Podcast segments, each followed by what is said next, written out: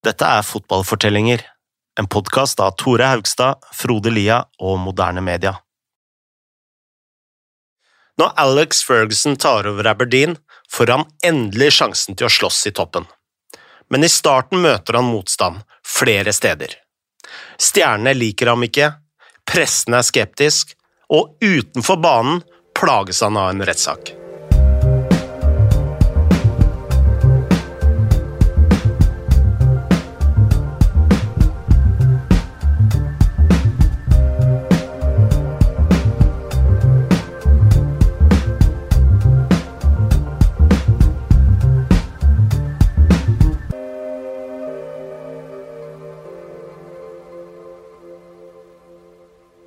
Aberdeen er den tredje største byen i Skottland etter Glasgow og Edinburgh, og ligger eh, oppe ved nordøstkysten. Den er kjent for eh, fisking, olje og en lang sandstrand ut mot Nordsjøen, men eh, den beste fotballen har de sjelden hatt.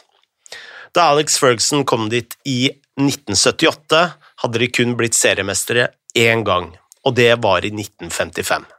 Men Aberdeen var inne i et godt tiår. De hadde kommet på andreplass i 71 og 72, som var veldig sterk når man regner med at eh, Rangers og Celtic egentlig var dømt til å havne blant de to øverste. Men i 1976 hadde Aberdeen flørta med nedrykk, og det hadde ført de til å ansette en viss eh, trener som het Ali MacLeod. Han tok de rett opp til tredjeplass, så alt virka jo rosenrødt for Aberdeen igjen. Men så ble han lokka til det skotske landslaget før VM i Argentina, og en trener som han sa jo ikke nei til det. Så Aberdeen måtte erstatte han med Billy McNeil, eh, som var den tidligere kapteinen til Celtics legendariske Lisbon Lions. Og han tok Aberdeen opp til en andreplass og en cupfinale. Så eh, på dette stadiet så kunne jo Aberdeen-styret konkludere med at de hadde truffet gull to ganger på rad. Men så kom en rekke treneransettelser som skulle prege skotsk fotball i lang tid. Først sparka Skottland MacLeod og hentet Jock Steen, denne mytiske regissøren bak The Lisbon Lions. Og nå trengte Celtic en ny trener, så de henta McNeil. Plutselig måtte Aberdeen igjen finne en ny trener, og det var få ledige på markedet. Men de hadde fulgt med denne hissige 36-åringen eh, som nettopp hadde forlatt St. Mirren. Det var mange som var skeptiske til Ferguson. I Aberdeen huska de at han hadde blitt utvist som spiller nettopp mot de for Dunfermline, og de visste at bruddet med St. Mirren hadde havna i retten fordi Ferguson mente at han hadde blitt sparka uten grunnlag. Men styret likte jo hvordan han hadde dyrka frem alle disse unge spillerne og forbedra stallen og, og rykka opp. Og på sin side så så Ferguson et lag som allerede fungerte bra, og som hadde en hel by for seg sjøl. Ferguson hadde en liten sånn magefølelse på at han kunne komme til å gjøre det bra her. Ferguson var nå så lei av å komme hjem både blodig og utslitt at han solgte puben. Dette ga ham mer tid til å fokusere på Aberdeen, og han var eh, opptil 14 timer om dagen på stadion, hvor han eh, tok treninger og ringte opp speidere og gjorde alt annet administrativt arbeid. Mm.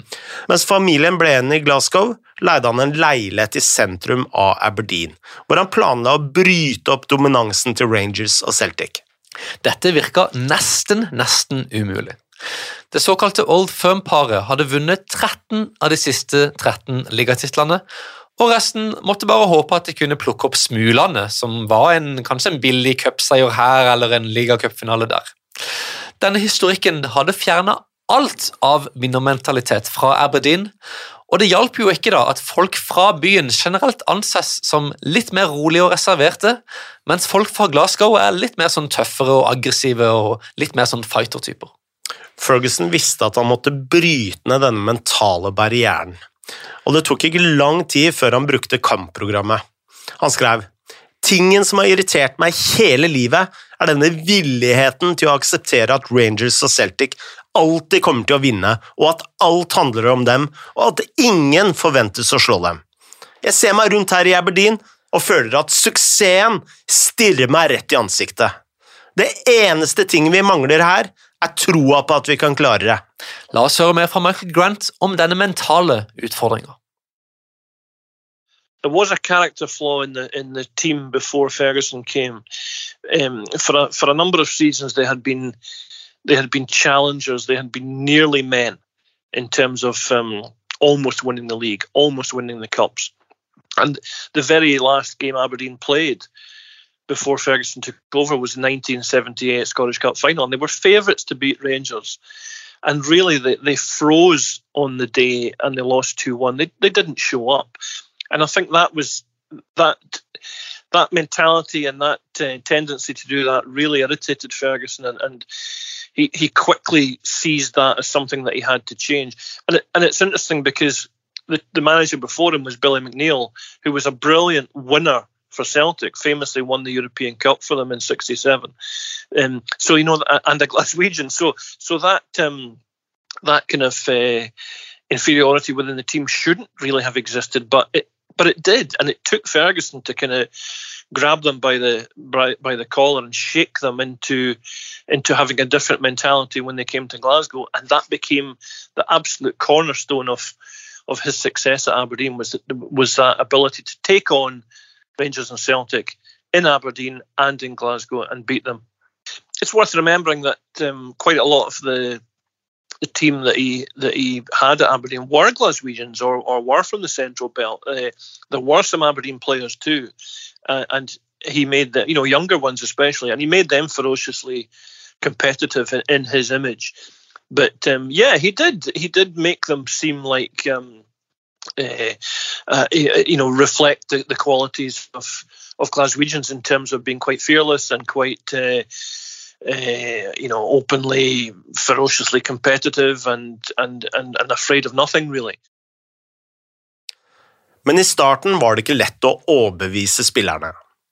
Mange av dem savna fortsatt McLeod og McNeil, og så fort Ferguson kom i gang, ble de irritert over hvor ofte han skrøt opp sitt gamle lag St. Mirren. Ferguson ville også flytte den bakre fireren høyere opp i banen, noe som ikke falt i god jord hos de viktige spillerne Stuart Kennedy og Willy Miller. Faktisk begynte flere av dem å åpent sette spørsmålstegn ved Fergusons plan. Noen av disse ble belønna med reservelagskamper midt i uka i noen av de kaldeste byene i Skottland, og en av spillerne Ferguson ville ha bort, var Dom Sullivan, som hadde grunn til å føle at Ferguson allerede hadde straffet ham nok, noen år tidligere hadde Sullivan mista to tenner takket være en albue fra Ferguson. Det skulle ta tid før Ferguson fikk endra måten spillerne tenkte på. I september spilte de 1-1 borte mot Rangers, som var et godt resultat i seg og etterpå sa Ferguson at han var fornøyd med ett poeng, men Bak sceneteppet så var han rasende over hvordan Aberdeen hadde forsvart seg dypt, sløst tid og prøvd å ødelegge kampen. Selv på Ibrox så ville Ferguson angripe og vinne. Normalt sett hadde Ferguson straffa spillerne for dette, men akkurat denne sesongen var han en distrahert mann. Han savna å ha familien nær, og rettssaken mot St. Mirren tæra på kreftene. I tillegg var Alex senior alvorlig syk. Da Ferguson tapte rettssaken, tok han det blytungt, og det samme så ut til å gjelde for faren, som fort ble sykere. I februar spilte Aberdeen mot St. Mirren på Love Street. De ledet 2-0, men så fikk de to mann utvist og slapp inn to mål. En allerede pressa Ferguson slakta dommeren, som rapporterte han inn til Fotballforbundet. Like etterpå ble Ferguson tatt til side av elektrikeren til St. Mirren, som han kjente godt fra før, og de to gikk inn i et lite rom. Der ble Ferguson fortalt at Alex senior var død, og at begravelsen skulle skje i Glasgow noen dager senere. Da Ferguson kjørte opp igjen til Aberdeen, stoppa han bilen ved siden av veien og brast sammen i gråt. Sesongen var nå blitt så vanskelig for Ferguson at han bare ville bli ferdig med den. Aberdeen kom på fjerdeplass, som var skuffende, men de viste noen positive tendenser i cupen. I kvartfinalen av den skotske cupen slo de Celtic over to kamper, og Ferguson var spesielt fornøyd med hvordan de hadde håndtert atmosfæren på Celtic Park, hvor Celtic-fans hadde bombardert dem med ølbokser, og hvor slåsskamper hadde brutt ut i tunnelen. Aberdeen tapte senere semifinalen mot Hibs, men de nådde finalen i ligacupen, hvor de møtte Rangers. Dette kunne bli en mulig revansj for året før. En sjanse til å vise alle at de faktisk var vinnere, og ikke minst en mulighet for Ferguson til å ta igjen for hvordan han hadde blitt behandla som spiller av Rangers. Aberdeen leder finalen 1-0 med kun minutter igjen, og alt så ut til å gå etter planen, men så gjorde Ferguson noe veldig uvanlig. Han begynte rett og slett å be på sidelinja. Da assistenttreneren så det, så sa han bare Alex, du trenger ikke be, vi har vunnet. Og omtrent så fort han hadde sagt det, så kom selvfølgelig utligninga. I ekstraomgangene trakk Rangers det lengste strået, delvis takket være et tvilsomt rødt kort til Aberdeen, som debatteres den dag i dag. Dette betydde at Ferguson ikke hadde klart å vinne et trofé i sin første sesong med Aberdeen. Noen av spillerne likte ham ikke, pressen var skeptisk, snart ble Ferguson kalt inn på kontoret til sjefen. Dick Donald hadde eid Aberdeen i åtte år og vært en del av klubben siden han hadde spilt der på 20-tallet. Han kunne fint vært pensjonert og kost seg i sola i Spania, men i tillegg til å eie Aberdeen, så var han travel med å drive kinoer, bingohus og dansehaller. Han uh, var en slags karakter, en stor karakter, for han gikk alltid i stripete dress. Han var kjent for å være old school, selv på 70-tallet, og han var en skikkelig skotsk gnier. Han hadde visstnok kun ett slips som han gikk med hele tida, og hvis skolissene røyk, så kjøpte han ikke nye, han knytta de bare sammen i fæle knuter. Når han kom inn i et rom, så spurte han ikke hvordan folk hadde det, men eh, satte heller spørsmålstegn ved hvorvidt lysene faktisk måtte være på. Dick var en av de beste eierne Ferguson kunne ha hatt. Privat kunne han slakte både laguttak og taktikk, men foran pressen ga han alltid Ferguson sin støtte. Så da Ferguson ble kalt inn på teppet etter tapet mot Rangers, hadde Donald følgende å si. Jeg ansatte deg fordi du kan denne jobben. Jeg driter i hva pressen sier, bare fortsett å stå på. Ikke klag, og vær en mann. Med Donalds tillit og en ny sang med blanke ark kaster Ferguson seg rundt for å forbedre laget. Dessverre så var ikke fasilitetene de aller beste. Alt han hadde til videoanalyse, var VHS-kassetter av håpløs kvalitet som ikke engang var redigerte. Staben var så liten at materialforvalteren Teddy Scott også trente reservelaget, og stakkars Scott måtte jobbe så hardt at han ofte mista siste bussen hjem, noe som gjorde at han måtte sove på det myke biljardbordet. Stadionet hadde ikke noe presserom, og faktisk hadde ikke Aberdeen engang et treningsanlegg. Så Ferguson veksla med å holde øktene på et anlegg eid av kommunen, en militærleir og parkeringsplassen utafor stadion. Løpeøktene kunne han organisere på stranda, hvor spillerne løp opp og ned i stiv kuling fra Nordsjøen. Og for et lag som nesten hadde blitt seriemester for noen år siden, var ikke dette litt rart? Yeah, no, and that would have been quite normal at the time. I mean, it, to be honest, it's a bit of an embarrassment for Aberdeen that it's only really three or four years ago uh, two, three years ago, even that they, that they got their own training ground. I mean, they, they obviously had facilities they could use, but they didn't have their own club-owned dedicated training ground until a couple of seasons ago. Um, Scottish football has been pretty slow in, in, in that sense in general. Um, you know, Rangers and Celtic had training grounds, although a decade or so ago, they they both substantially improved theirs and built new ones. Um, and Aberdeen have, have, have, belatedly followed suit. But yeah, I mean, they, they did. There was various training grounds that they used. There was a public park at a place called Seaton. But um, but yeah, I mean, what, what's obviously caught caught your imagination and caught a lot of people's imagination was that Ferguson would occasionally take them down to the beach, which if you know the geography of Aberdeen and Pataudry, the beach is very close.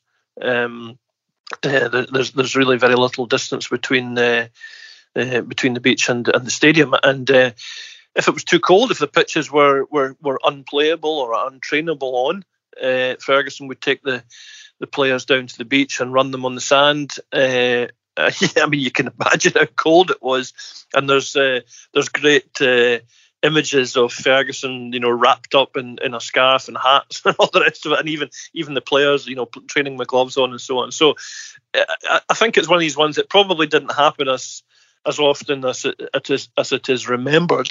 But it was an iconic thing, and, it, and I suppose it, it, it also kind of suggested a kind of a toughness and a hardness about um, this group of players that Ferguson had, had put together. Taktisk sett fortsatte Ferguson å flytte laget høyere i banen. Han ville angripe, og det med høyt tempo. Han sa til spillerne at så fort dommeren hadde blåst til pause, så skulle de løpe inn i garderoben, sånn at motstanderne skulle se at de ikke var slitne. Selv om noen av spillerne fortsatt var litt sånn skeptiske til Ferguson, så hadde han fått mesteparten av dem på sin side. He felt there were characters he had to kind of weed out of the dressing room to to fully impose his will on things. So that took a little bit of time, um, but it, but it soon clicked because enough of the squad uh, appreciated and, and recognised his his potential and his drive and his energy, crucially including Willie Miller, the, the, who would become the brilliant captain that he had. You know, the, there was a potential for them to to fall out at the beginning, and they did have they did have their moments. But Ferg- uh, but what Miller Miller saw in Ferguson a winner and, and I think there was enough of the squad that, that, that saw that too. And, and in the second season, that really clicked. Innen september nærmer Ferguson seg sitt første trofé. Aberdeen hadde slått ut både Celtic og Rangers i ligacupen, som ble avgjort og spilt i sin helhet før jul, og nå var de altså i finalen mot Dundee United, som sjøl ikke hadde møtt et eneste storlag på veien dit. Men finalen endte 0-0, selv om Aberdeen traff treverket og hadde en heading som var på vei inn før han stoppa i en sølepytt på streken. All denne uflaksen tok motet av spillerne, som tapte omkampen 3-0. Nå var Aberdeen langt nede. De hadde tapt tre finaler på rad, og etter kampen sloss fansen seg imellom på tribunene. Da Dundee tok en seiersrunde med trofeet, ble de bombardert med ølbokser. Da Aberdeenstallen kom tilbake til stadion, så de en graffitimelding som sa «Dere skuffet oss igjen». Ferguson sov ikke et sekund den kvelden. For første gang som trener var han frista til å gi opp.